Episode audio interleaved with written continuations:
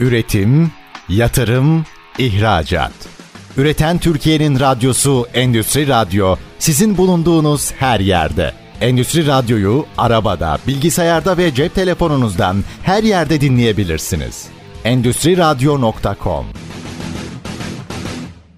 Buket Calp'in hazırlayıp sunduğu içimizdeki yenilik programı başlıyor. İş Dünyası'nın Sesi Radyosu Endüstri Radyo'dan ben Buket Çarp'ten içimizdeki yenilik programından merhaba efendim. Biliyorsunuz sizlerle birlikte her hafta birbirinden değerli konuklarımızı ağırlıyor ve onlarla girişimcilik, inovasyon ve teknoloji konuşuyoruz. İşte yine bu hafta çok değerli bir konuğumuz bizlerle birlikte.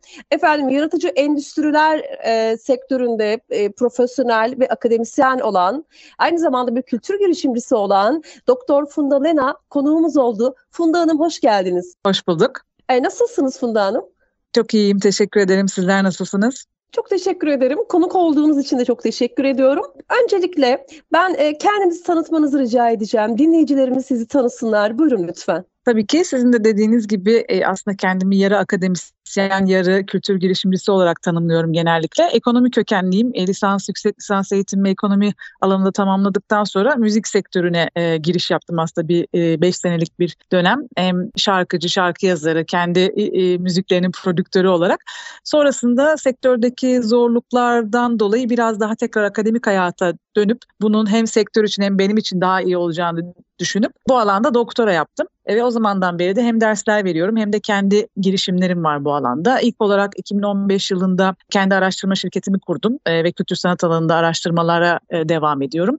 E, sonrasında da biraz daha faaliyet alanlarını genişleterek yayıncılık, organizasyon, müzik prodüksiyon vesaire gibi alanları da ekleyerek anonim şirket olarak yoluma devam ediyorum. Bu bağlamda aynı zamanda sanatçılara çeşitli danışmanlık destekleri hem gönüllü olarak hem profesyonel olarak onların kariyerlerini yönetmek, onlara e, eğitimler vermek gibi çalışmalar yapıyorum. Müzik sektörüyle e, önemli kurumlarla ortaklaşa araştırma ve raporlama çalışmaları yapıyorum. Ve e, kendi sosyal girişimlerim de var. Onlardan da biraz sonra daha detaylı bahsederiz. Çok güzel. Funda Hanım biz dediğim gibi içimizdeki yenilik programında inovasyon ve özellikle e, inovasyon yolculuğumuzla alakalı deneyimlerinizi paylaştığımız ve bu alanda çalışmalar yapmak isteyen e, firmaları, girişimcilere motivasyon olarak kullanabileceğimiz bir program aslında içeriği hazırlıyoruz. Dolayısıyla aslında bütün e, konuklarıma ilk sorum aynı oluyor. Ben e, sizin hani bugüne kadarki deneyimlerinizden, tecrübelerinizden, e, akademik birikiminizden yola çıkarak bir inovasyon e, aslında tanımı yapmanızı istiyorum. İnovasyon sizin için nedir, ne değildir? Özellikle yaratıcı endüstriler perspektifinden e, bu soruyu cevaplamanızı rica ediyorum. Buyurun lütfen. Tabii e, inovasyon nedir diye aslında düşünüp farklı kaynaklardan da araştırdığımızda aslında farklı tanımlarla karşılaşabiliyoruz. Ama bunların bu tanımların ortak noktası yenilik, iyileştirme, yeni fikirlerin yayılması, e, yeni fikirleri yeni ürünlere ve hizmetlere dönüştürülmesi diyebiliriz. Bu tabii çoğu zaman teknolojik yenilikler kastedilerek kullanılabiliyor bu kavram ama e, ben tabii yaratıcı endüstriler perspektifinden biraz daha geniş anlamda yenilikçilik olarak e, düşünülmesi gerektiğini düşünüyorum. Yaratıcı endüstriler açısından baktığımızda da bu sektörlerde biliyorsunuz işte müzikte, sinemada, edebiyatta, tiyatroda, performans alanında, görsel sanatlarda daha önce olmayan türlerin ortaya çıkması, e, var olan türlerin daha önce olmadığı şekillerde eğilip bükülüp harmanlanması ya da yorumlanması, ifade biçimlerinin değişip dönüşmesi şeklinde ortaya çıkar e, bu alanlarda diyebiliriz. Aslında yaratıcılığın içinde doğası gereği, kelime anlamı gereği yenilik var. Yaratıcılık demek zaten yeni fikirler oluşturmak, yeni eserler, yeni hizmetler, yeni ürünler yaratmak demek. Yani bu zaten inovatif olmayı gerektiren bir durum zaten e, var olan ya bazen zaten var olan janralarda yeni bir sanat eseri ortaya koymak gibi nispeten daha küçük.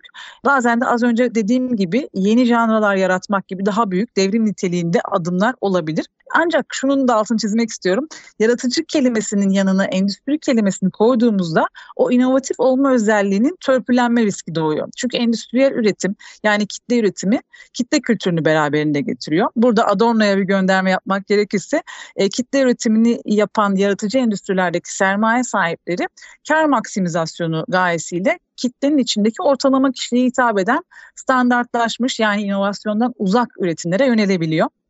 Yani aslında yaratıcılık ve endüstri kavramları arasında bu anlamda bir tansiyon var diyebiliriz. Bu bence yaratıcı endüstriler bağlamında inovasyonu yorumlarken altı çizilmesi e, gereken, altı çizilmeden geçilmemesi gereken bir konu.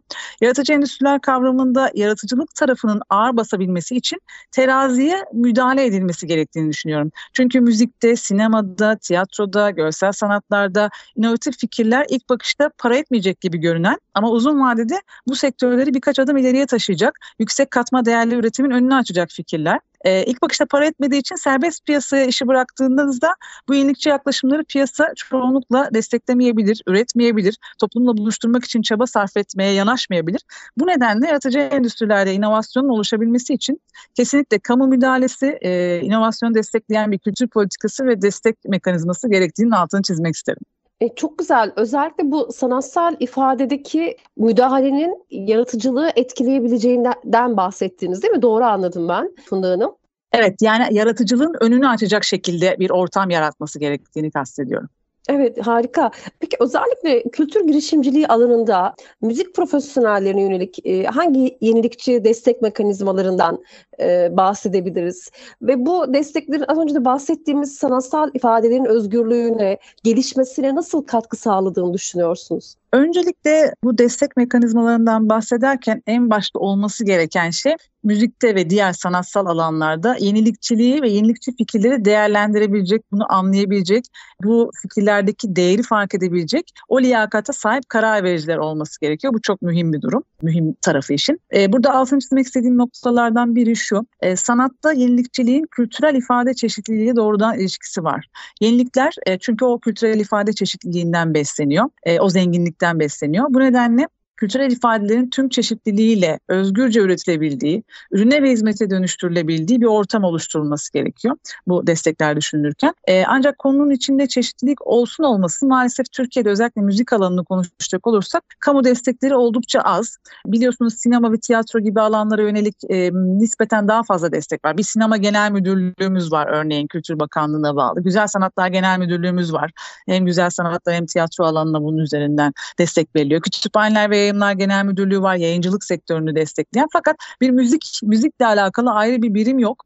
E, ancak işte etkinlikler bazında daha böyle e, arkasından dolanarak başka projelerin içerisine yedirerek e, müzik projelerinize destek bulabiliyorsunuz. Fakat müzik prodüksiyonu ve sahne projelerine yönelik doğrudan bir destek söz konusu değil kamu tarafından. Tabii, tabii özellikle Telif Hakları Genel Müdürlüğü desteklerini bu konuda göz ardı edemeyiz. Bu noktada kültürel ifade çeşitliliğini de önemseyen bir kurum. Çünkü bizim 2017 yılında taraf olduğumuz, ülke olarak taraf olduğumuz UNESCO 2005 kültürel ifadelerin çeşitliliğinin korunması ve geliştirilmesi sözleşmesi için irtibat noktası ve bu sözleşmenin nasıl uygulandığının takipçisi olan kurum Telif Hakları Genel Müdürlüğü. Bu bağlamda da zaten UNESCO'ya karşı uluslararası bağlayıcı bir sözleşme olması bakımından kültürel ifade çeşitliliğini destekleyen yenilikçi, inovatif projelere alan açma zorunluluğu ve sorumluluğu var aslında devletin. Bu nedenle de kültürel ifade çeşitliliğine dayandırdığınız projeler ki bunlar dediğim gibi inovatif projeler olacaktır. Devletten destek görecektir, görmelidir dediğim gibi çünkü Telif Hakları Genel Müdürlüğü zaten bu e, sözleşmenin Türkiye'deki e, irtibat noktası.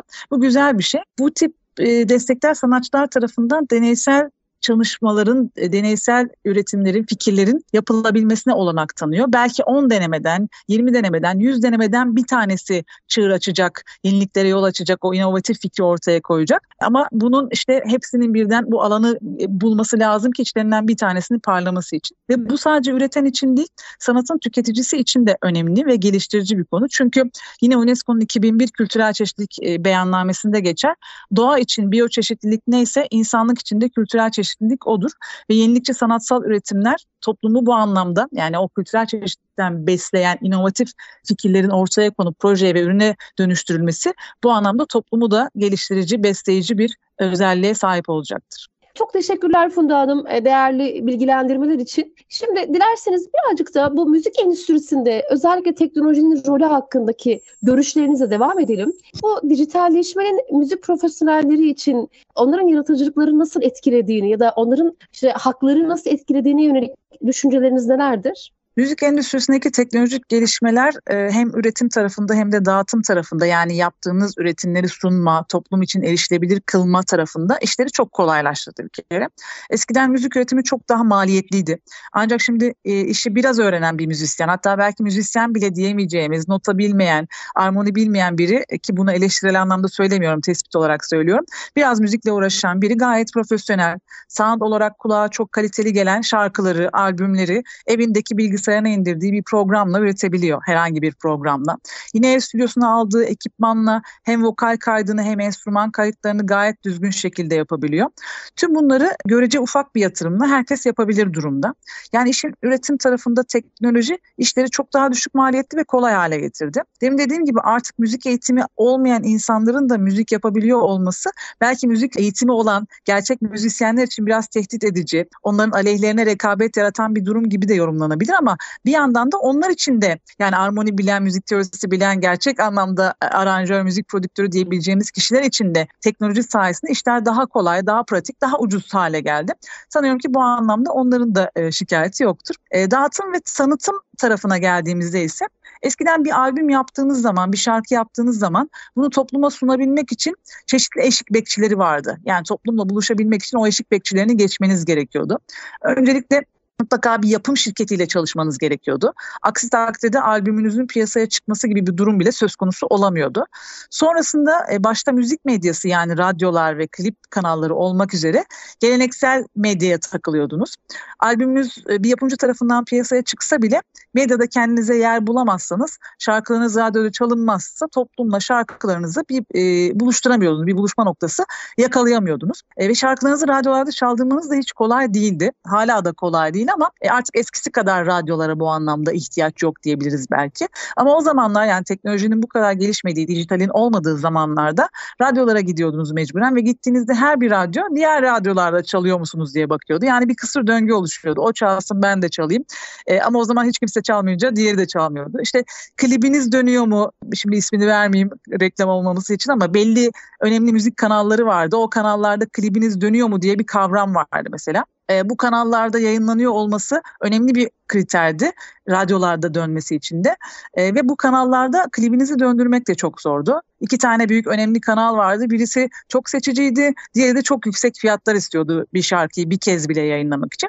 Teknolojik gelişmelerle birlikte geldiğimiz son noktada artık müzik internet üzerinden özellikle de streaming platformlarından dinleniyor ve artık e, sanatçılar şarkılarını kendileri hiçbir yapımcıya ihtiyaç duymadan dijital dağıtımcılar aracılığıyla neredeyse tek tuşla bütün dijital platformlara bir anda gönderebiliyorlar ve tüm dünya üzerindeki bu müzik yani şarkınız tüm dünya üzerindeki bütün müzik dinleyicileri için erişilebilir hale gelebiliyor artık.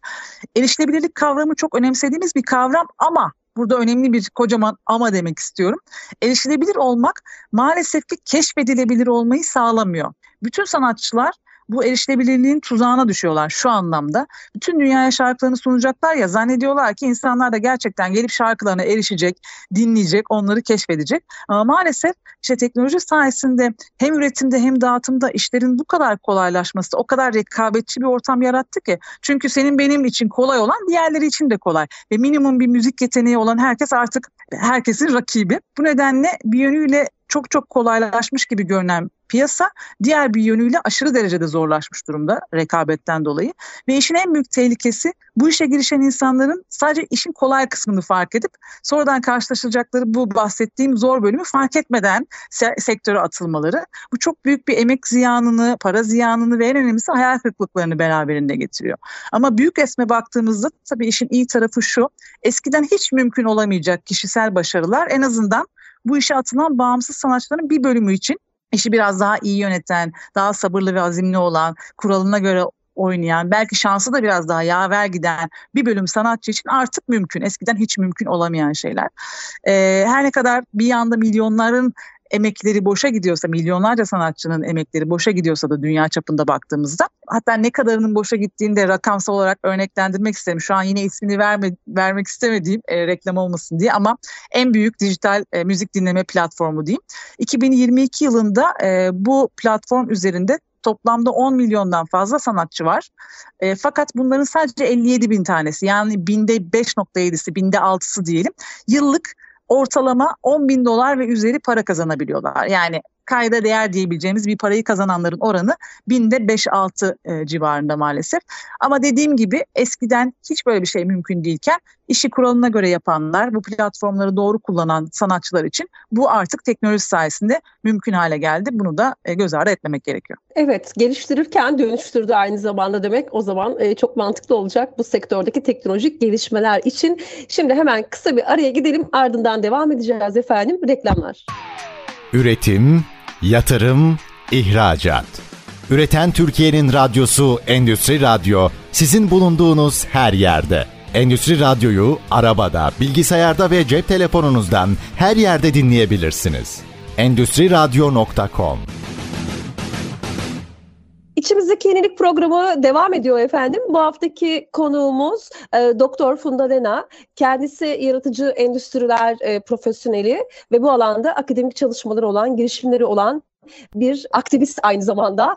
Ee, şimdi birazdan o konuya da geleceğiz. Neden aktivist dediğimde anlatacağım ama öncesinde Funda Hocam kültür girişimciliği alanında özellikle işte müzik profesyonellerinin önündeki engellerden e, ya da dijital yeniliklerden, teknolojilerden konuştuk.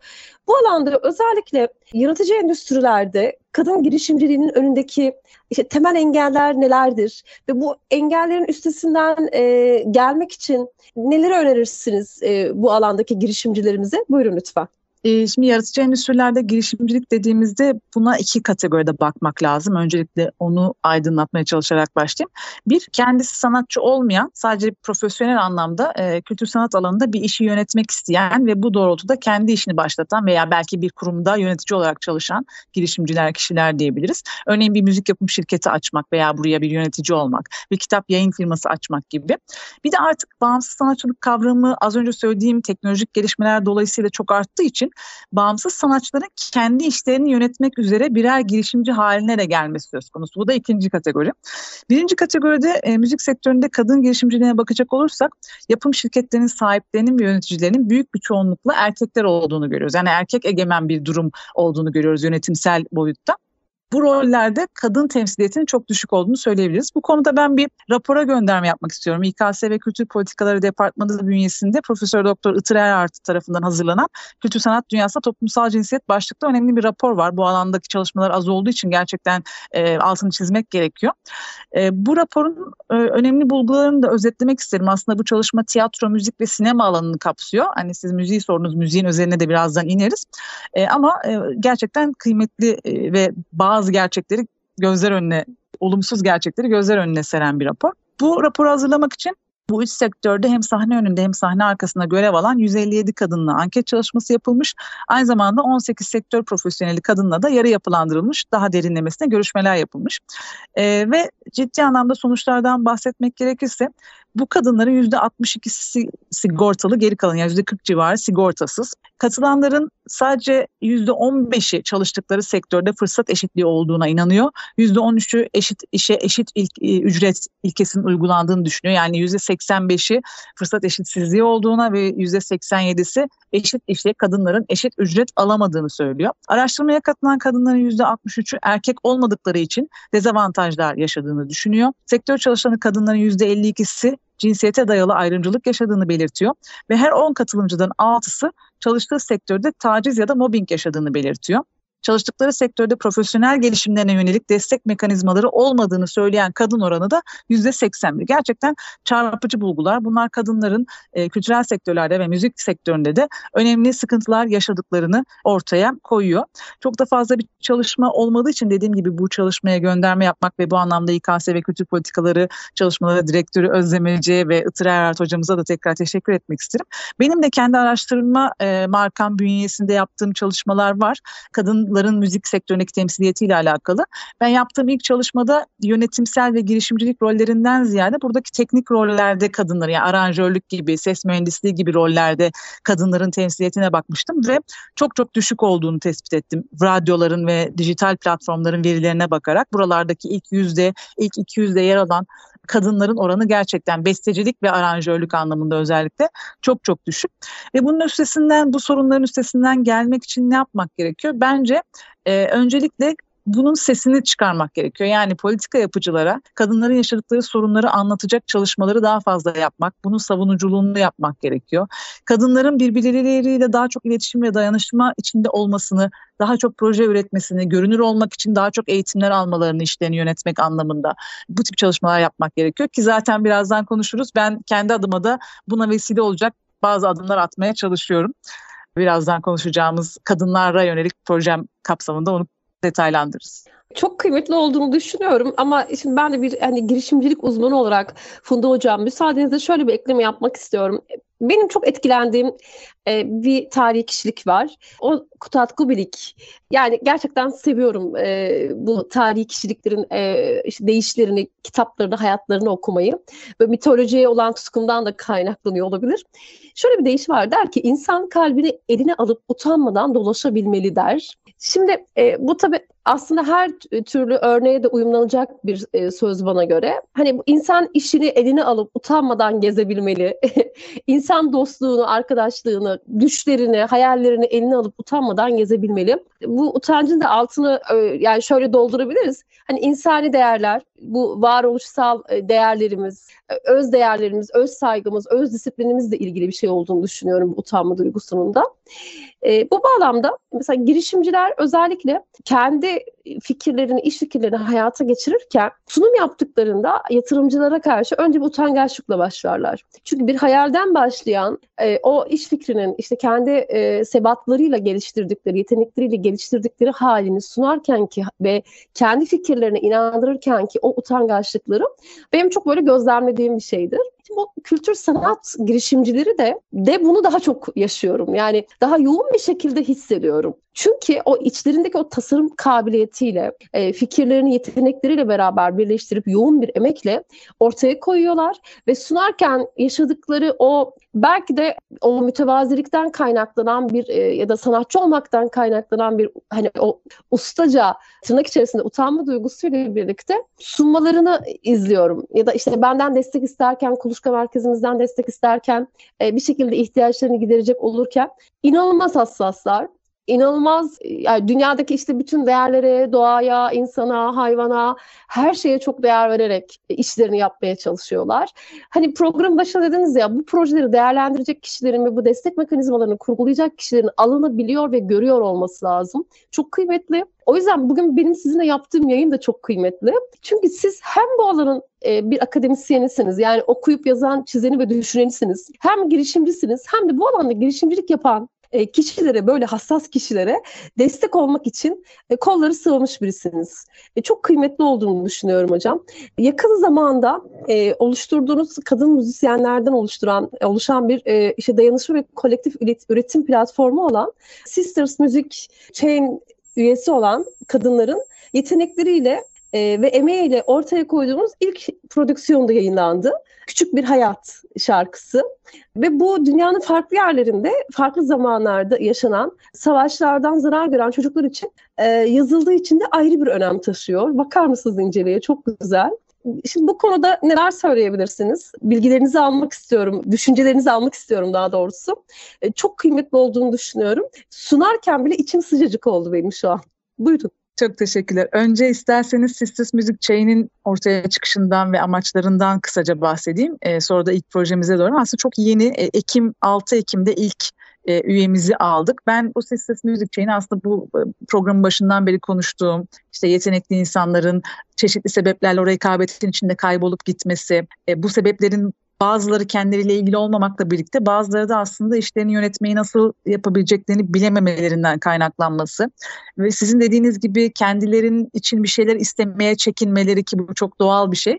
O nedenle bir araya gelip bir dayanışma ruhu içerisinde işte kadınların sektörde yaşadıkları sorunların yeterince görünür olmaması gibi sebeplerle ben böyle bir dayanışma platformu oluşturma e, fikri birkaç aydır benim kafamda vardı. Çok böyle fikir üreten ve uygulayan biri olduğum için artık bazı fikirler tabii ki çok çok canlılığını kafanızda ilk günkü heyecanını koruyamayabiliyor. O yüzden birazcık nadasa bırakıyorum ben. Gerçekten benim içimi kemirmeye, içimde bir alevlenmeye devam ediyorsa o fikri ortaya koyuyorum. Bu da kesinlikle öyle oldu ve hep şunu söylüyorum. Bu yaşıma gelene kadar bir sürü proje yaptım, birçok proje yaptım, birçok kıymetli işte yaptığımı düşünüyorum ama hep şeyi sorgulamaya devam ediyordum. Benim bu hayattaki gerçek amacım ne? Hani vardır ya hayatta var olma, misyonunuzu anlamaya çalışma, o sorunun peşinden gitme ve o soru kafamda dönüp durmaya devam ediyordu yaptığım işlerin yanında. Sisters Müzik Chain'inden sonra artık bu soruyu sormuyorum. Yani en azından şu an için e, hayat amacımı bulmuş gibi hissediyorum ve bunu bu topluluktaki kadınlar da bana hissettiriyorlar. Yani doğru bir yol seçtiğimi. Bu bir e, piramit gibi düşünüyorum ben. Piramidin en altında bir dayanışma bölümü var. Yani herkese açığız. Profesyonel ya da amatör kadın müzisyenleri açığız. İsteyen gelip orada derdini paylaşabiliyor, fikir danışabiliyor diğerlerine. Çokça sayıda WhatsApp gruplarımız var konu başlıklarına göre. Şu anda 180 civarı üyesi var 3 ayda, 3-3,5 aylık bir zaman diliminde. Dediğim gibi burada dayanışma, birbirlerinin e, projelerine destek olma gibi konular söz konusu. E, kadın müzisyenlerin ihtiyaç duydukları konularda eğitimler düzenliyoruz. İşte meslek birliklerinin tanımaları, telif hakları hukuku, e, dijital pazarlama, markalaşma, çalışma, kariyer yönetimi, dans, e, sahne duruşu, ileri şan teknikleri gibi birçok konuda eğitim programlarımız başladı. Çoğunlukla eğitimlerimiz kendi içimizden e, gönüllüler örneğin hem müzisyen hem avukat olan bir üyemiz var o telif hakları hukuku eğitimi veriyor ya da dışarıdan bize destek vermek isteyen e, gönüllü eğitmenler tarafından gerçekleşiyor. İşin bir de savunuculuk ayağı var. E, savunuculuk kısmında e, müzik sektöründe kadınların yaşadıkları sorunlara dair bir araştırma projesi yürütüp raporlama yapacağız. Onun dışında bir de yine bu problemlerle alakalı konu başlıklarında podcast serimiz olacak. En son piramidin tepesinde ise e, üretim var. Az önce sizin de bahsettiğiniz gibi hem yeni şarkıların prodüksiyonu hem de sahneye yönelik e, üretimlerimiz var. Sahne projelerimiz henüz açıklamadığımız için e, şu an burada bahsetmek istemiyorum ama başlayan üzerinde çalışmaya başladığımız projeler var. İlk prodüksiyonumuzda küçücük bir hayat şarkısı. Üyelerimizden Hülya Cenk'in sözü ve müziğini yazdı. Aslında yıllar önce savaş mağduru çocuklar için yazdığı bir şarkı. Bu, bu şarkıyı bize sundu ve içimizden bu şarkı üzerinde çalışmak isteyen kadınlar hem solist olarak hem enstrümantist ve aranje anlamında tamamen kendi içimizde ürettiğimiz bir şarkı olarak Ocak ayının 5'inde piyasaya çıktı. Klibiyle vesaire bizim yani bir sosyal sorumluluk projesi olarak piyasaya çıkarttık bu projeyi. Harika, elinize sağlık e, gerçekten. Bu özellikle e, yaratıcı endüstrilerde, kültür girişimciliğinde, e, sürdürülebilirlik e, üzerine ve sosyal sorumluluk projeleri e, üzerine, müzik endüstrileri hak, ka, neden konuşamıyorum? Başa alıyorum. E, Funda Hanım sürdürülebilirlik ve sosyal sorumluluk projelerinin müzik endüstrisine katkıları hakkındaki düşüncelerinizi de hemen alalım ve ardından bir reklam arasına gideceğiz. E, buyurun lütfen. Tamam çok kısaca cevaplayayım. Projeler özellikle müzik sektöründe kültürel ifade çeşitliliğinin gelişimine katkı sağlamak, şu an görünmez olan yeni yeteneklerin keşfedilmesine yol açmak, yetenekli müzisyenlerin sektörde ekonomik anlamda sürdürülebilir iş modelleri geliştirmelerini, e, öğrenmelerini, geliştirebilmeyi öğrenmelerini sağlamak gibi odaklarda kurgulanırsa işte bu insanlar yenilikçi fikirlerini ortaya koymak için ortam bulacaklar demektir. Böyle düşünüyorum. Yine az önce söylediğim gibi bu fikirlerin hepsi tek tek büyük büyük yeniliklere, dönüşümlere yol açmayabilir. Çünkü bu alanlar risk sermayesinin yüksek olduğu alanlar. Yani 10 tane taş atarsınız bir tanesi hedefine ulaşır. Bunu böyle bilmek, kabul etmek ve buna göre destekleri ve projeleri kurgulamak gerekir. Ee, yani sizin 10 tane 20 tane projeyi destekleyip bundan bir sonuç almamayı e, göze almanız gerekiyor projelerinizde. Bunların içinden sadece bir tanesinin gerçekten kayda değer bir neticeye ulaşacağını beklemeniz gerekiyor. E, böylelikle hepsinin bir deney yapmaya, e, denemeye bir imkanı olacaktır ve sürekli olarak başarısız olan projelerin ardı arkasından gelen projeler bile desteklendiğinde o yenilikçiliğin ve inovasyonun sürdürülebilir şekilde devam edeceğini düşünüyorum. Peki çok teşekkür ediyorum. Hemen bu bölüm için de kısa bir araya gidelim. Sonra tekrar devam edeceğiz. Reklamlar. Üretim, yatırım, ihracat. Üreten Türkiye'nin radyosu Endüstri Radyo sizin bulunduğunuz her yerde. Endüstri Radyo'yu arabada, bilgisayarda ve cep telefonunuzdan her yerde dinleyebilirsiniz. Endüstri Radyo.com Kobilerin Sesi Radyosu Endüstri Radyo'da içimizdeki yenilik programında ben Buket Calp'le olan birlikteliğiniz devam ediyor efendim. Bu hafta yaratıcı endüstriler sektöründen, yaratıcı endüstrilerden çok profesyonel bir isimle birlikteyiz. Doktor Funda Lena e, konuğumuz oldular. Birinci ve ikinci bölümde bu alanda yaptığı akademik çalışmalardan ve özellikle müzik alanında yaptığı e, çalışmalardan, girişimden ve sosyal projelerden bahsettiler. Şimdi son bölümde e, biz dilerseniz özellikle dijital platform platformlar bu kadar çok gündemimizdeyken e, ve kullanılırken e, buradan devam edelim. Dijital platformların günümüz müzik endüstrisindeki etkileri neler? E, ve bu platformlar etkin kullanılarak sanatçıların işte kariyerlerinde, kazançlarında e, nasıl gelişmeler kaydedebilir diye bir soru yöneltmek isterim size. Buyurun lütfen. Aslında az önceki bölümlerden birinde bir sorunuzda bir giriş yapmıştık. Bu platformlar büyük bir erişim imkanı sundu demiştik. E, ama dedik ya bir yandan da büyük bir rekabet getirdi. E, o nedenle bu platformların sunduğu kolay erişilebilir olma imkanının kolay şekilde başarı da getireceği yanılgısına düşmemek gerekiyor. Siz de dediniz ya etkin kullanmak. Evet gerçekten de dijital müzik platformlarını ve buna paralel olarak sosyal medya platformlarını etkin kullanmanın sanatçıların kariyerlerine olumlu yansımaları e, olduğunu görüyoruz. E, ama canım ben de herkes gibi bir şarkı çıkarayım, koyayım internete patlasın, gitsin sonra gelsin konser teklifleri gitsin ekstralar diye beklerseniz çok fena duvara tosluyorsunuz. Bunların örneklerini görüyoruz. Gördüğünüz hiçbir başarı e, bir şarkıyla bir günde ya da bir gecede gelmiyor. Özellikle de günümüzde. Benim sanatçılarda gördüğüm en büyük hatalardan biri şu. Kendi işlerine, kendi seslerine, kendi şarkılarına çok aşık oluyorlar ve piyasaya sunduklarında herkesin de aşık olmasını bekliyorlar. Halbuki hepsinin bir muadili var. Yani neden bir başkasını değil de seni seçsin sorusunu soruyorum ben onlara. Hiçbir şarkı sırf çok güzel bir şarkı olduğu için patlama kapasitesine sahip değil. Öyle bir şarkı yok yani. Ya da neredeyse yok diyelim çünkü istisnalar olabilir ama gerçekten de çok istisnai bir durum olur öyle olması. Ki öyle bir istisna olsa bile yani bir şarkı çok muazzam bir şarkı olduğu için patlasa, çok beğenilse bile bestecisine, icracısına tek başına bir kariyer sağlamaya yetmez. Bu nedenle dijital platformların başarı getirebilmesi için etkin kullanılması gerektiği kesinlikle doğru ve bu etkin kullanıma dair söyleyebileceğim birkaç tane anahtar kelime var benim. Genelde de konuşmalarımda bunları söylüyorum. Bunlardan birincisi netlik, ikincisi tutarlılık, üçüncüsü devamlılık.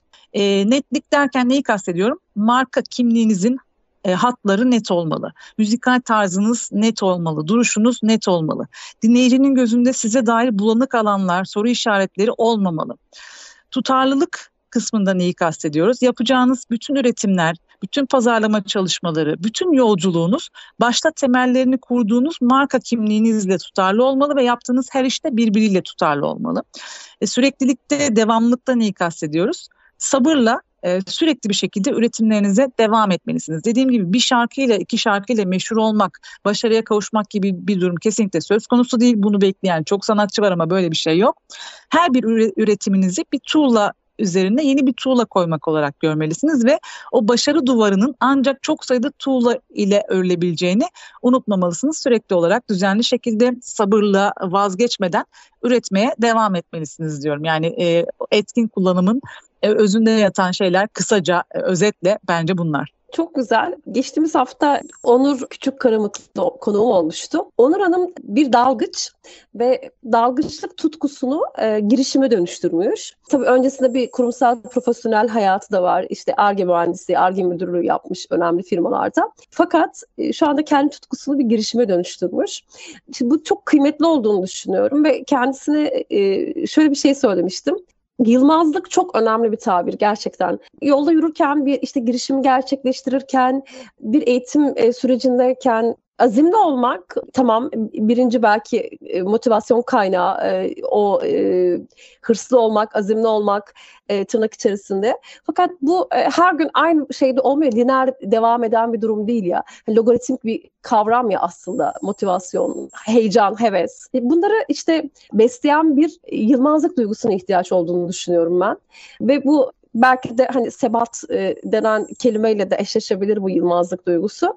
E, çok kıymetli çünkü belki de o bahçemizdeki o gülü biricik kılan, dünya üzerinde biricik kılan ona verdiğimiz emek, sürekli verdiğimiz işte emek, gayretle çok alakalı.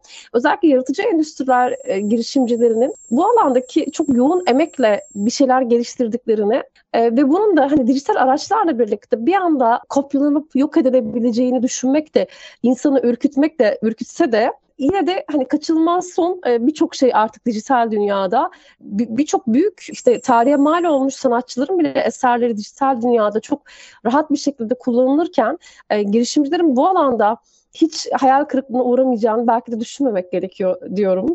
Ve bir sonraki soruma geçmek istiyorum. Özellikle tabii müzik endüstrisinden çok konuştuk ama siz e, örnekler verirken, anlatırken yaratıcı endüstrilerden de konuşuyorsunuz. Bu da harika oluyor bence. Gelecekte peki nasıl şekillenecek müzik endüstrisi? Ee, yani düşündüğünüz en önemli trendler, teknolojiler işte neler? Ee, ve bu gelişmelerin müzik profesyonelleri için ne anlama geldiğine dair düşünceleriniz nedir? Bu günümüzde konuşulan birkaç şey var ama birazdan açıklayacağım e, sebeplerle biraz şu an yavaş ilerlediğini düşünüyorum. Şu anda konuşulan, e, uygulanmaya başlanan şeylerin başında NFT teknolojisinden bahsedebiliriz. Burada e, önemli noktalardan biri kitle üretiminden yine eskisi gibi daha biricik, daha sınırlı sayıda üretimlere dönmek gibi bir şey söz konusu olabili olabiliyor ve daha çok olacak gibi görünüyor. Biliyorsunuz dijital platformlarda özellikle streaming platformlarında dinleyiciler çok cüzi ücretler ödeyerek bütün bir kataloğa erişim sağlayabiliyorlar. Bu e, görsel işitsel medyada da var, işte sesli kitapta da var, müzikte de var. Ve istedikleri kadar dinleyebiliyorlar. Böyle olunca bunun karşılığında her bir müzik üreticisine e, düşen kazanç çok yetersiz oluyor. Dinleme sayıları çok olsa bile. Örneklendirmek gerekirse yine ismini vermek istemediğim ama en çok dinlenen müzik dinleme platformunda bir şarkınız diyelim ki Türkiye'den 1 milyon dinleme aldı. Bunun karşılığında aşağı yukarı 500 dolar civar bir para kazanabiliyorsunuz buradan. Bu kazançta yapımcı ve icracı arasında paylaşılırsa daha da düşüyor tabii ki.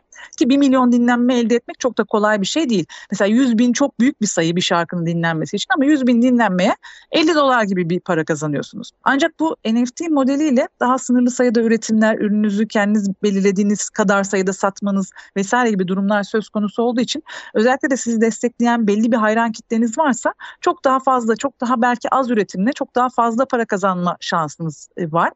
E, bugünün koşullarında müzik prodüksiyonundan gelir elde etmek diye bir şey pek konuşulmuyor. Neredeyse yok. Hatta pandemi döneminde nasılsa dijitalden pek fazla kazanç yok diye geçmişte bütün sanatçılar haklarını yapımcılara devretmişti. Ama pandemide canlı müzik sektörü de ortadan kalkınca bu sefer bari dijitaldeki paylaşımları tekrar gözden geçirelim diye bir durum ortaya çıktı. Bunun temel sebebi aslında şu anda müzik sektöründeki gelirlerin çoğunun konserlerden, canlı performanstan e, geliyor olması ama işte ileride bu teknolojik dönüşümlerle kayda değer e, dijital üzerinden kayda değer bir şeyler kazanma e, sanatçılar için mümkün olabilecek gibi görünüyor.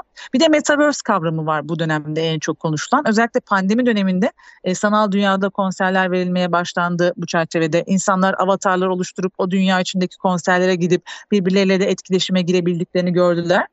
E, burada da gelecekte yeni bir pazar olacağını düşünüyorum ancak şu an yavaş ilerliyor. Bunun biraz ee, yani gördüğüm kadarıyla yavaş ilerliyor. Özellikle pandemiden sonra vazgeçildi daha çok bundan. Bunun biraz jenerasyon alışkanlıkları ile ilgili olduğunu düşünüyorum.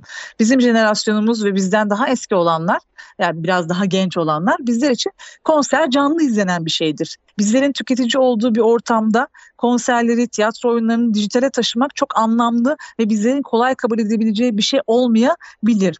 Pandemide mecburiyetten e, canlı ortamlara gidemediğimiz için mecburiyetten dijital konserler tükettik, izledik, tiyatroları izledik.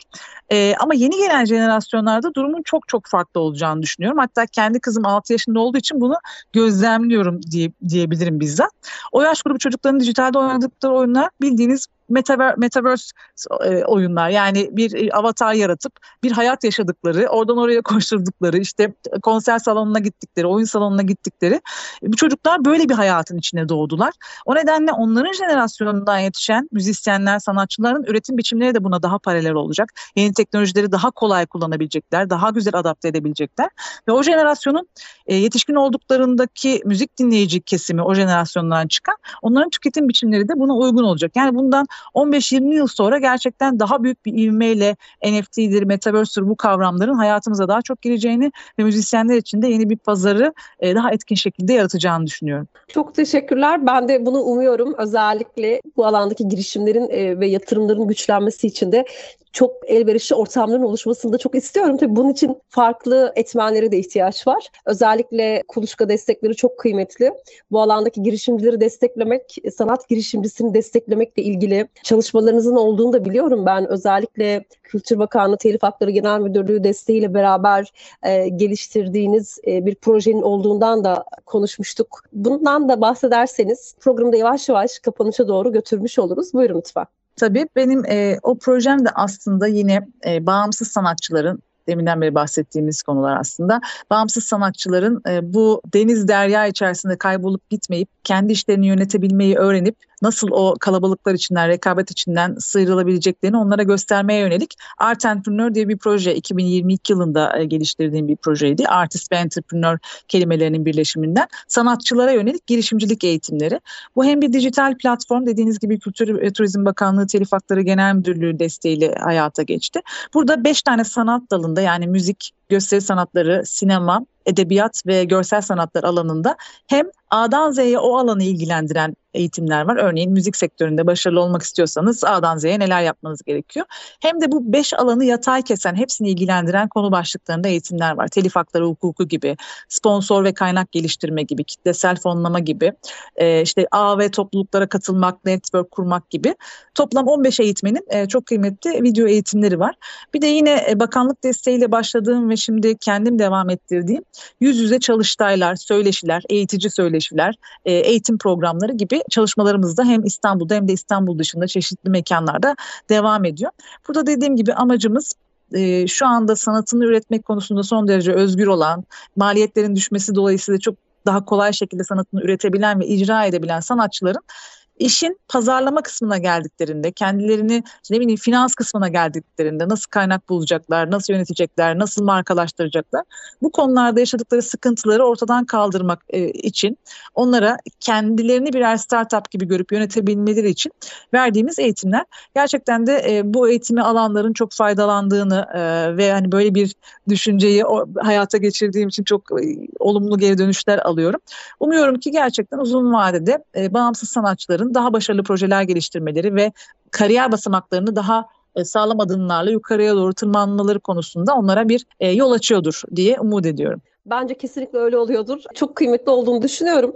Biz Kuluçka Merkezi'nde birbirinden farklı projelere destek e, e, sağlamak için programlar geliştiriyoruz. Özellikle yaratıcı endüstriler sektöründeki girişimcilerin beklentileri ve e, tepkileri çok farklı e, Funda Hocam. Onlar ticaretleşme konusunda özellikle ticaretleştirme konusunda gelir modeli oluşturma konusunda e, çok daha zayıf kalıyorlar. Yani görece diğer girişim gruplarına göre. Bu bağlamda özellikle bu eğitimlerle güçlendirilmesinin çok önemli olduğunu düşünüyorum. Bir de bu eğitimleri veren kişilerin de kuruluşların da zaten bu işi yapan ve sektörü çok iyi bilen, oradaki zorlukları çok iyi bilen, fırsatları çok iyi gören kişiler olması gerektiğini çok yürekten inanıyorum gerçekten. E, o yüzden çok kıymetli e, alanda yaptığınız çalışmalar. Herkes istifade etmeli diye düşünüyorum. Çok teşekkür ederim yani sizden e, bu alanda çalışan insanlardan, sizin gibi değerli insanlardan bu yorumları duymak çok e, güzel. Dediğiniz gibi yaratıcı endüstrilerdeki insanlar şundan dolayı özellikle sanatsal alanlarda daha romantik düşünen insanlar. Evet. Sanatını icra etmek, sanatının güzel olmasına odaklanan e, insanlar olduğu için işin yönetim boyutunu başka birileri yapsın istiyorlar. Eskiden de öyleymiş zaten ama bir yandan da teknoloji tek başına yapmayı kolaylaştırdığı için e, maalesef istemeseler de bu işi yönetmeyi öğrenmek zorundalar. O nedenle biz de bunun önünü açmaya çalışıyoruz. Harika. Özellikle kadim kültürel değerimizi e, girişimlerinde e, doğru ifade edebilmeleri ve bunu da yetenekleriyle beraber taşlandırmaları da çok kıymetli. Dijital dünyada da kendi kültürümüzü devam ettirmek, sürdürmek de çok kıymetli diye düşünüyorum ve bugün konuk olduğunuz için çok teşekkür ediyorum. Değer kattınız Funda Hanım. Ben teşekkür ediyorum davet ettiğiniz için. Umarım e, konuştuklarımız birilerine ulaşır ve fayda sağlar. Eminim öyle olacak. Çok teşekkür ediyorum. Efendim bugün de yayınımızın sonuna geldik. Tekrar görüşünceye dek yenilik içimizde.